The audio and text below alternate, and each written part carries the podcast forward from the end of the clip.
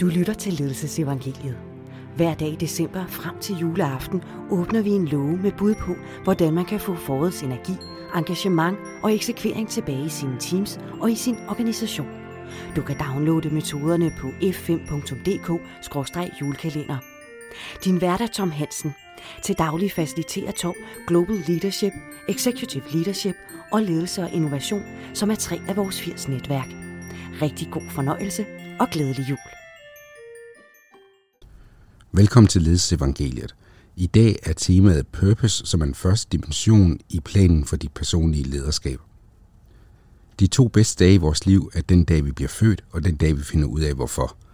Citatet kommer fra Mark Twain, og det, der er hovedsensen i det, det er, at et purpose er ikke noget, som man kan opfinde. Det er noget, som man kan afdække. Det er noget, som der ligger inde i os, og som vi kan finde ind til. Og så spørgsmålet selvfølgelig, kan et purpose ændre sig? Det ved jeg ikke, om det kan, men i forhold til formålet med dit lederskab, så vil det formentlig ikke ændre sig meget. Det kan blive mere nuanceret, sofistikeret, men direkte ændre sig til at være noget grundlæggende anderledes. Det har jeg svært ved at forestille mig. Det vil gennemgå, det er en øvelse, der består af fem trin og tager cirka 40 minutter for dig at løse. Hvis det er således, at du ikke arbejder med de tre andre dimensioner i planen for dit personlige lederskab, så kan du stadigvæk bruge dagens tema, dagens metode, hvis du er i den situation, hvor du oplever, at du er blevet mere en administrator af kriser og andres beslutninger, end en, som sætter fat i begivenhederne og styrer dem. Metoden har fem trin, og det første trin hedder retning. Du skal bruge en kuglepind og et stykke papir, og jeg gennemgår nu de fem trin i metoden. Det første trin hedder retning. Du har 5 minutter til at notere ned, hvis du skal finde de tre ord, som bedst beskriver og kendetegner den retning, som dit lederskab hidtil har bevæget sig i. Hvad er så de tre ord? Næste trin hedder purpose, og der har du 11 minutter til 21 gange at besvare det samme spørgsmål, og du skriver et tal ud for hver af besvarelserne. Og det du skal besvare, det er spørgsmålet, hvad er formålet med dit lederskab?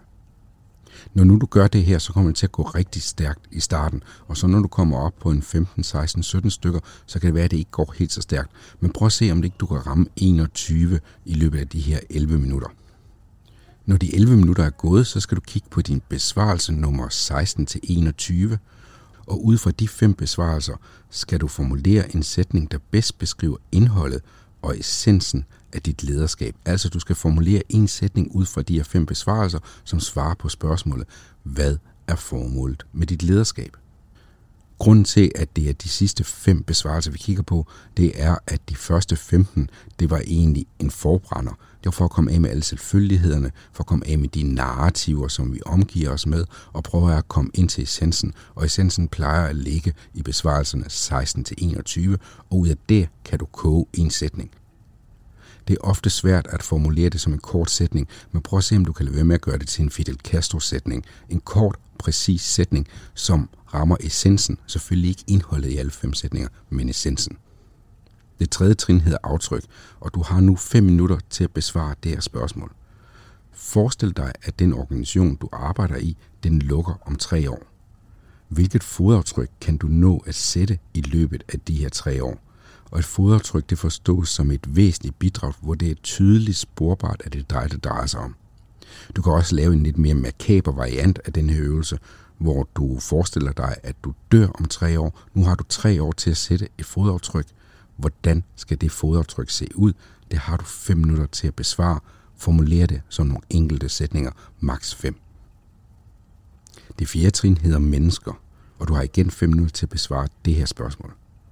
Hvilke mennesker skal du tiltrække for at sætte det fodaftryk om tre år, som du netop lige har formuleret, og som udlever den formålsætning, du formulerede i trin 2, og som fortsætter den retning, som du beskrev med tre ord i trin 1. Altså hvilke mennesker skal du tiltrække for, at det kan lade sig gøre.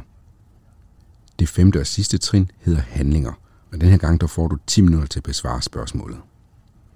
Spørgsmålet er, hvilke handlinger eller aktiviteter er det vigtigst at starte med, hvis det er således, at du skal tiltrække de mennesker, du lige har beskrevet, som sætter det fodaftryk, du beskrev i trin 3, som udlever den formålsætning, du har formuleret, og som fortsætter den retning, som du startede med at beskrive med tre ord. Altså hvilke tre handlinger eller aktiviteter er det vigtigst at starte med. Ved at gennemføre de her fem trin, der har du nu været rundt omkring, hvad er purpose med dit lederskab. Du ved nu, hvilke tre handlinger det er vigtigst at starte med, hvilke mennesker du skal tiltrække, hvilke fodaftryk vil du gerne sætte, og hvad er formålet med lederskab, hvis du kun skal formulere det med én sætning, og du ved også, hvilken vej eller sti det er, du har bevæget dig hidtil. Den første dimension i planen for dit personlige lederskab.